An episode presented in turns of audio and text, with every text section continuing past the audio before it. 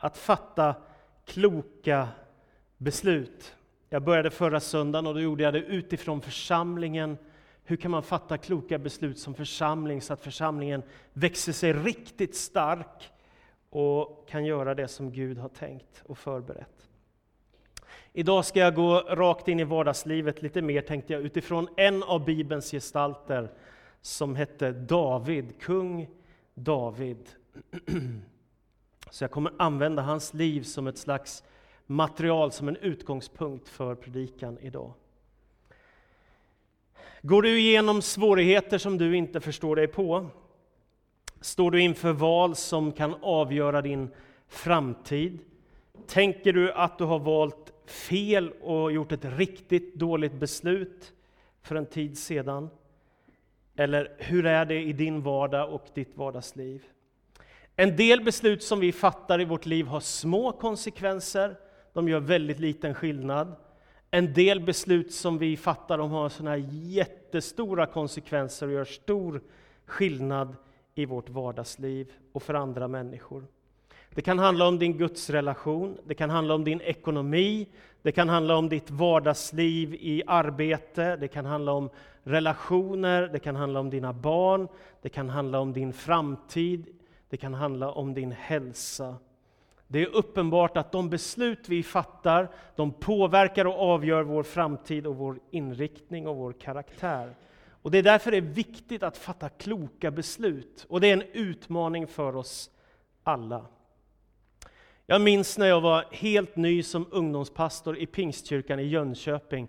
Vi hade flyttat ifrån Norrtälje, en församling med ungefär 300 medlemmar, och så kom vi till Jönköping med över 2000 medlemmar. Och jag visste nog inte riktigt vilken stor utmaning jag hade gett mig in på som ungdomspastor. Men det var en jättestor utmaning. Och dessutom var det så att föreståndaren i församlingen hade nyligen slutat, och det var en ganska tuff tid som när jag började min tjänst där helt enkelt. Så jag kom hem en dag och så sa jag till min fru Fotola så här, kan du ge mig ett år när jag får jobba hur hårt som helst för att det ska gå bra i församlingen och för att det ska hända lite nya saker. Och hon var snäll, så hon sa ja.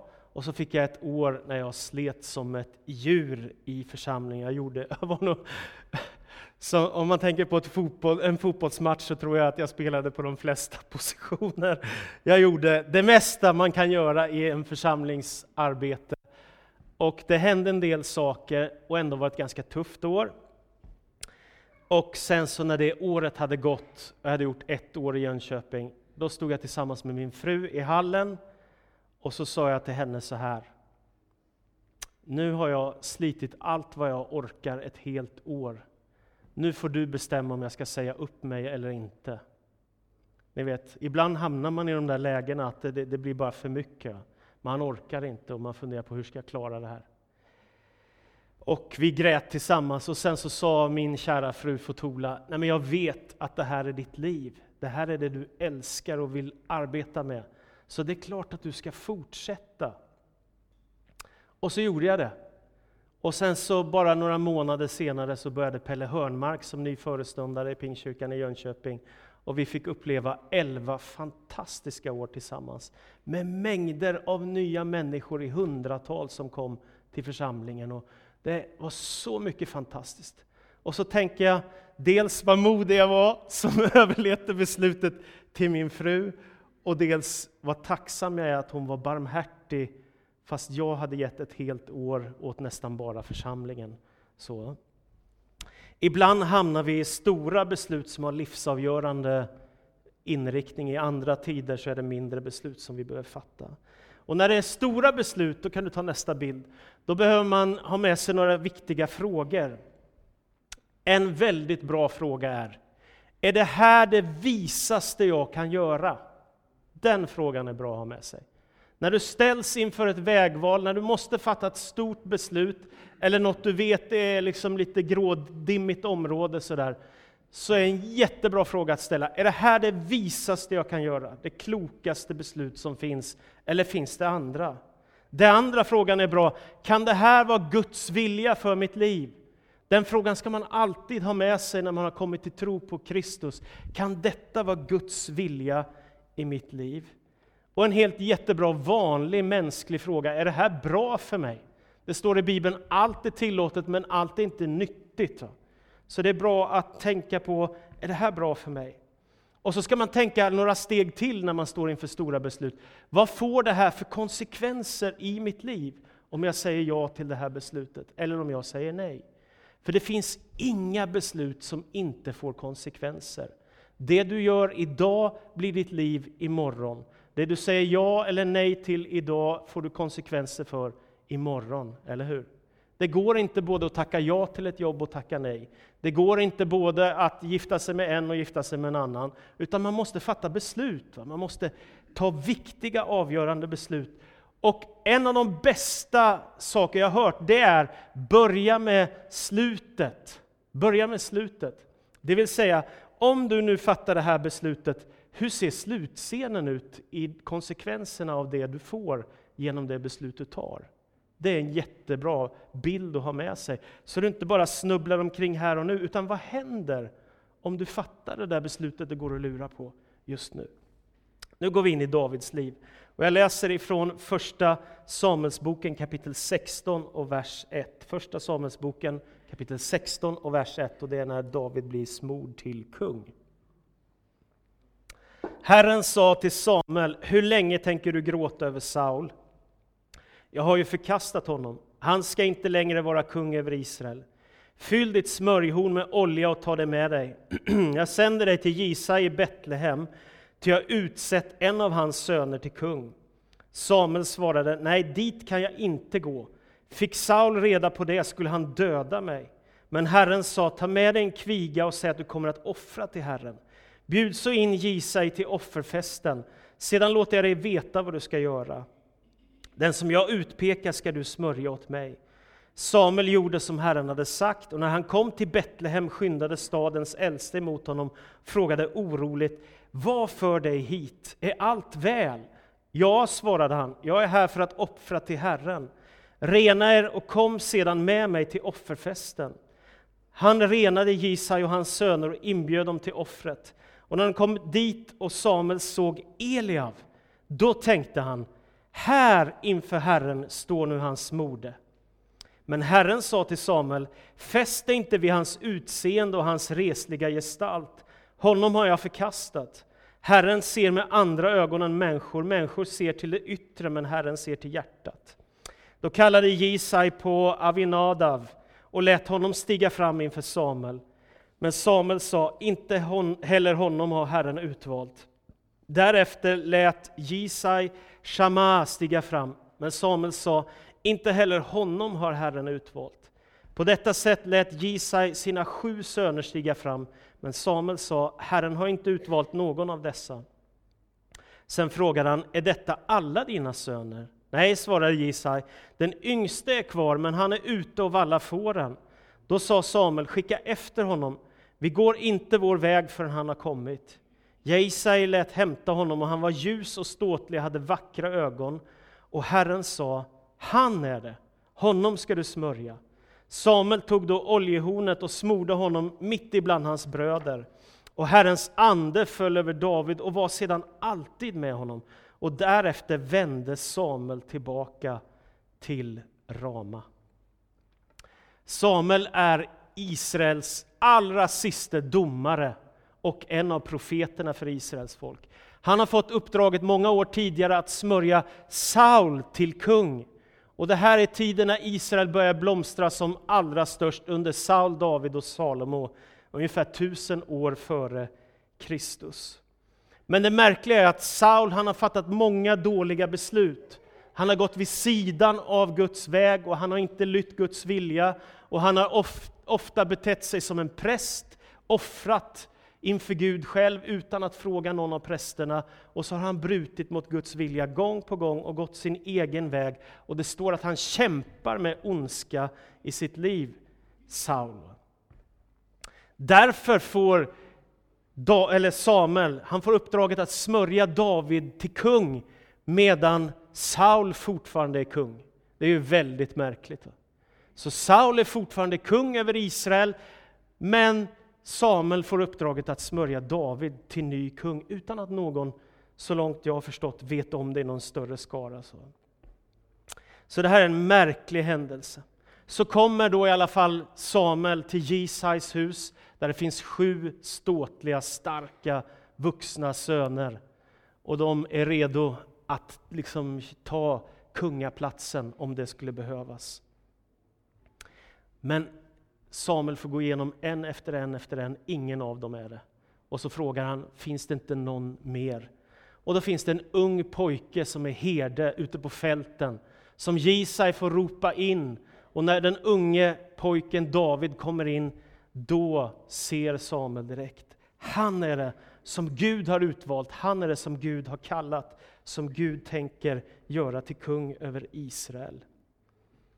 Det är ganska otippat, eller hur? Inte någon av de äldsta, starkaste, mest erfarna, utan den yngste, den som är på väg att bli vuxen. Märkligt. Va?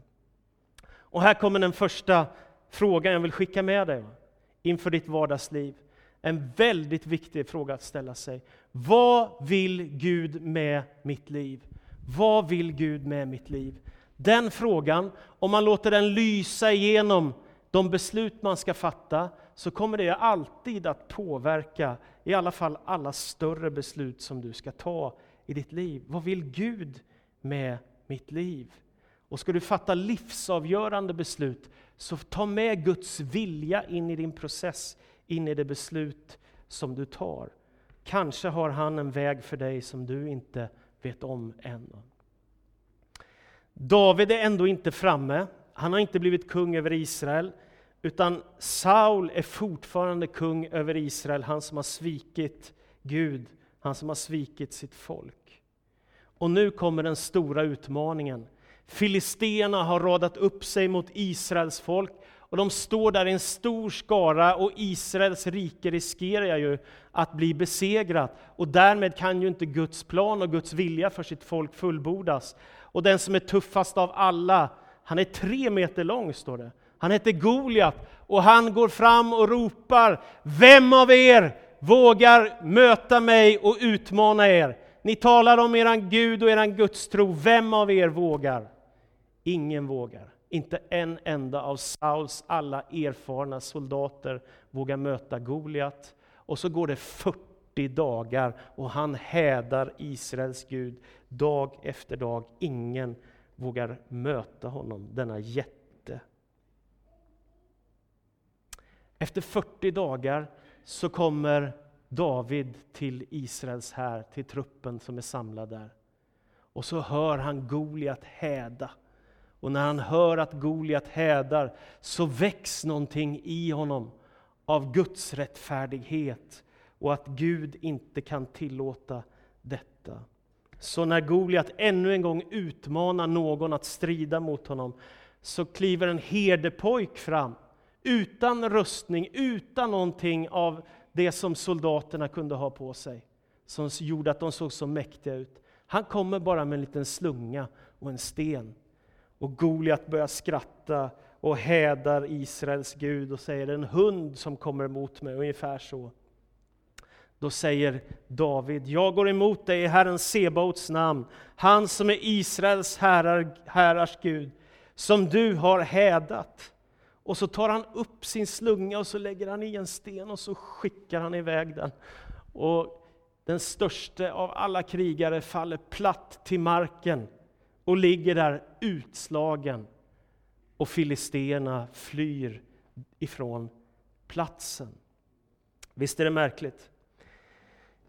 Och det är detta jag vill skicka med för andra. Det är viktigt att våga fatta kloka beslut när man står inför avgörande händelser. Fruktan kan binda människor så att det som man ska gå in i, det man har tänkt, det som man har förberett, det som ligger framför en, aldrig kan hända. Man måste våga ta steg i tro och våga konfrontera sin egen fruktan. Annars kommer man aldrig dit som det var tänkt att man skulle göra. I 40 dagar vågar ingen av Israels armé Och så kommer en herdepojk och han är van vid björnar och lejon och vakta sina får. Han är inte ett dugg rädd för utmaningen. Han tar den och han segrar. Det är märkligt. Va? Tänk om David inte hade gjort det. Hur hade Israels historia sett ut då? Så det är det tredje jag vill skicka med. Det är att det är viktigt att inte låta fruktan stoppa det som Gud har tänkt med ditt liv. När du ställs inför svåra utmaningar eller när du ställs inför vägval, när du inte vet om du ska våga följa det som du tror att Gud vill med ditt liv, så se till att inte fruktan får stoppa dig. För fruktan kommer aldrig hjälpa dig i mål med det som du drömmer om och längtar efter, eller som Gud vill för ditt liv. Utan se till att våga gå. Gud kommer att vara med dig. David som visat sånt mod, han blir nu mer och mer populär i Israel och de börjar sjunga i Israel. Saul har slagit tusen, men David tio tusen. Så han börjar bli väldigt populär. Han är nära vän med Sauls son Jonatan. Han gifter sig med Sauls dotter Mikael. Och ändå så börjar Saul hata David för att han är så framgångsrik. Det är tragiskt. Jag tror att Saul kämpar både med depression och med nedstämdhet och han kämpar med det onda och han har gjort så många saker i sitt liv som inte har med Guds vilja att göra, så han lider av konsekvenserna. Och han börjar förfölja David. Vid ett tillfälle så tar Saul upp ett spjut och kastar mot David i rummet där de är tillsammans. Två gånger så har David chansen, han har fått få makten över Saul, han har chansen att ta livet av kung Saul. Och det gör han inte, utan han skonar honom båda gångerna. Och Saul får fortsätta att regera trots sin ondska. Och det fjärde, om du hamnar i konflikter, om du hamnar i prövningar, så var barmhärtig och var rädd om människor och försök att reda ut svårigheterna. Så fort man försöker göra stora och viktiga saker, eller så fort man tar stora beslut, så brukar det alltid dyka upp problem på vägen. Visst är det märkligt? Jag har nästan aldrig varit med om att man tar något stort beslut och så är det inga problem. Utan det blir nästan alltid någonting som händer, något som är svårt, något som är utmanande, något som ställer till det. Det brukar ofta vara så. Och då är det lätt att brusa upp eller bli arg också, men då får man bara ödmjuka sig och förlåta och be om förlåtelse. Lägga det bakom sig. Hamnar du i svårigheter, så var rädd om människor och, och försök lämna saker bakom dig. Konflikter går att reda ut och saker går att lämna bakom sig. David blir en stor kung och han blir en gudsman. Han börjar, till börja med, så börjar, får han makten över det lilla riket Juda som han är en del av och släkt av. Så i början är han bara kung för en, en enda av Israels tolv stammar när Saul och hans söner har dött. Men till slut när de är döda, då får han makten över alla Israels tolv stammar och över hela Israels folk. Och under David och hans son Salomos ledarskap så blomstrar Israel på ett sätt som det aldrig gör någonsin mer under Gamla testamentets tid. David han blir den största byggmästaren som Israel någonsin har haft. Han är en gudsman, han skriver salmer, han startar gudstjänstliv i Jerusalem som han utser till sin huvudstad. Och det är mängder av saker som händer kring David i den tid som han föds. Han vill också bygga tempel till Guds ära. Det är hans stora längtan, att få ha ett tempel där Gud kan bli lovsjungen och ärad. Men det får han inte göra eftersom han är en krigare och en stridsman. Så Gud säger, din son Salomo, han kommer att få bygga ett tempel i Jerusalem eftersom han inte ska vara en krigare som du har varit. I 40 års tid så är David kung över Israel. Och han blir som en förebild till den Messias som en dag ska komma, som de profetiska texterna förutsäger i Gamla Testamentet. Därför att hans rike är så framgångsrikt, det är så stort, det expanderar på ett sätt som det aldrig mer gör under Gamla Testamentets tid. Det byggs mer hus än någon annan tid i Israels historia. Men han har hela tiden hårt tryck på sitt liv. Och han har hela tiden en kamp och därför får han hela tiden vara en stridsman. Han har tryck på sitt liv. Det finns hela tiden utmaningar och oroligheter fast han lyckas ena hela landet. Så därför kom ihåg för det femte att det är viktigt vilka beslut du fattar och särskilt när trycket är hårt på ditt liv så kom ihåg att inte fatta snabba ovisa beslut för det är lätt att det förstör för din framtid. Va? När trycket är hårt, när striden finns där, så kom ihåg att inte fatta för snabba beslut, utan var klok och vänta in lite. Tänk över saker, sov på saken, vänta lite så du kan fatta kloka beslut. När David nu regerar med makt och framgång i Jerusalem, trots alla stridigheter, så kommer han att tänka på kung Sauls familj, de som gick före honom. En dag ställer han en fråga till sina tjänare. Finns det inte en enda kvar av Sauls familj, så att jag kan vara barmhärtig mot honom, liksom Gud är barmhärtig mot mig? Då får David reda på att Saul har ett barnbarn som heter Mebofis, Mef, vad heter han? Mefiboset heter han. Mefiboset heter han.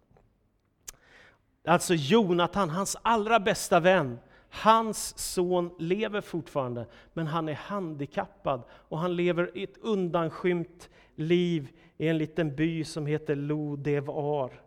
Då kallar David på honom och när Mefiboset kommer till David så faller han till marken i respekt inför kungen.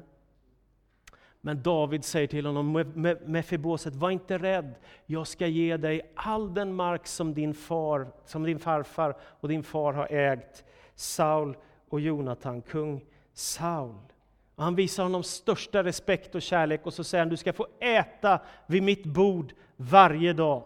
Så han som är den handikappade och som har ett väldigt liv i skymundan, han som har prinsblod och kungablod i sina ådror, blir nu satt vid kungens bord och så får han äta där varje dag resten av sitt liv. Och det står när han kommer så fint att Mefiboset hade med sig sin lille son till David. Jag tycker det är en fantastisk berättelse. Och så sitter han där och äter med kungen. Och då vill jag skicka med detta. Glöm aldrig för det sjätte vilka människor som har gått före dig. Det finns människor som har visat dig vägen, som har varit dina ungdomsledare, som har varit de som lärde upp dig på din arbetsplats, som har varit dina pastorer, eller som har varit dina föräldrar, eller dina viktiga förebilder, eller vad det nu är. Det finns människor som har visat vägen för dig, öppnat dörrar för dig. Glöm inte dem. Det är människor som har stor betydelse i ditt liv, och du ska hedra dem. Nu syns den här bilden lite dåligt, men det här är en bild på en predikant som heter Jentesen Franklin. Han har en jättestor kyrka i USA och samlar tiotusentals människor till det. Och jag såg ett så vackert kort på det när han står och kramar om en av sina mentorer. Jag skulle gjort bilden lite större, men det är svårt. Jag tycker det är så vackert. Hans, en av hans mentor, mentorer som är i 90-årsåldern som han står och kramar om i talarstolen. Nåväl, allt i Davids liv är inte bra. Vi får inte bara bilden av David som Goliats besegrare, som den store kungen som får hela Israel att blomstra, eller den som tar hand om Mefeboset som är utslagen. Nej, kung David, när han står på höjden av sitt liv, då gör han sitt livs allra största misstag. Det är årsskifte och det är dags för dem att dra ut i strid igen, Israels folk, mot de folk som hotar dem. Då bestämmer sig David för att vara hemma, vilket man ju inte ska göra när man är med och leder striden. Men han bestämmer sig för att stanna hemma av någon anledning som kungarna inte brukade göra. Han som aldrig har besegrats av någon fiende hittills besegras nu av sig själv. För när han går ut på taket vid palatset där han bor, i det fina palats som har byggts till hans ära, så ser han Batseba, en kvinna som är jättevacker och som badar där nedanför hans palats. Så det första han gör är att fråga, vem är hon som är där nere? Och det andra han gör är att han ber någon skicka efter henne. Fast han har fått reda på att det där är Urias hustru, så gör han det i alla fall. Och så står det att han ligger med Batseba och sen skickar han hem henne. Det är bara ett problem. Batseba hör av sig och säger jag är gravid. Nu har David ett riktigt stort problem. Inte nog med att han har syndat, utan han har också gjort Batseba gravid. Vilken katastrof! Då ber han Uria att komma hem och hoppas att Uria ska ligga med sin fru. Men Uria vägrar gå hem eftersom det är tid för strid för Israels folk. Så att han gör inte det, utan han befinner sig i palatset hela tiden. Då säger David istället till sin tjänare, skicka honom allra längst fram i stridstrumporna så att han dör. Och så gör han det. Och så dör Uria, en helt oskyldig krigare, och Batseba blir Davids fru. En sorglig historia. Då kunde man ju tänka att, jaha, så var det en av alla dessa kungar som använder sin makt och, och det, så är det med det. Men det slutar inte där, utan profeten Natan får ett budskap från Herren. Det är märkligt. Så han kommer till David, så modig han är profeten. Tänk att gå till Israels mest framgångsrike kung i alla tider. Och så kommer profeten Natan med ett enkelt budskap ifrån Herren. Och så säger han, det var en fattig man och en rik man. Och den rike mannen ville ställa till fest. Men när det var dags för fest, då tog han den fattiges lamm och slaktade istället för sitt eget. Och David han blir så ursinnig så han ropar, den mannen förtjänar döden!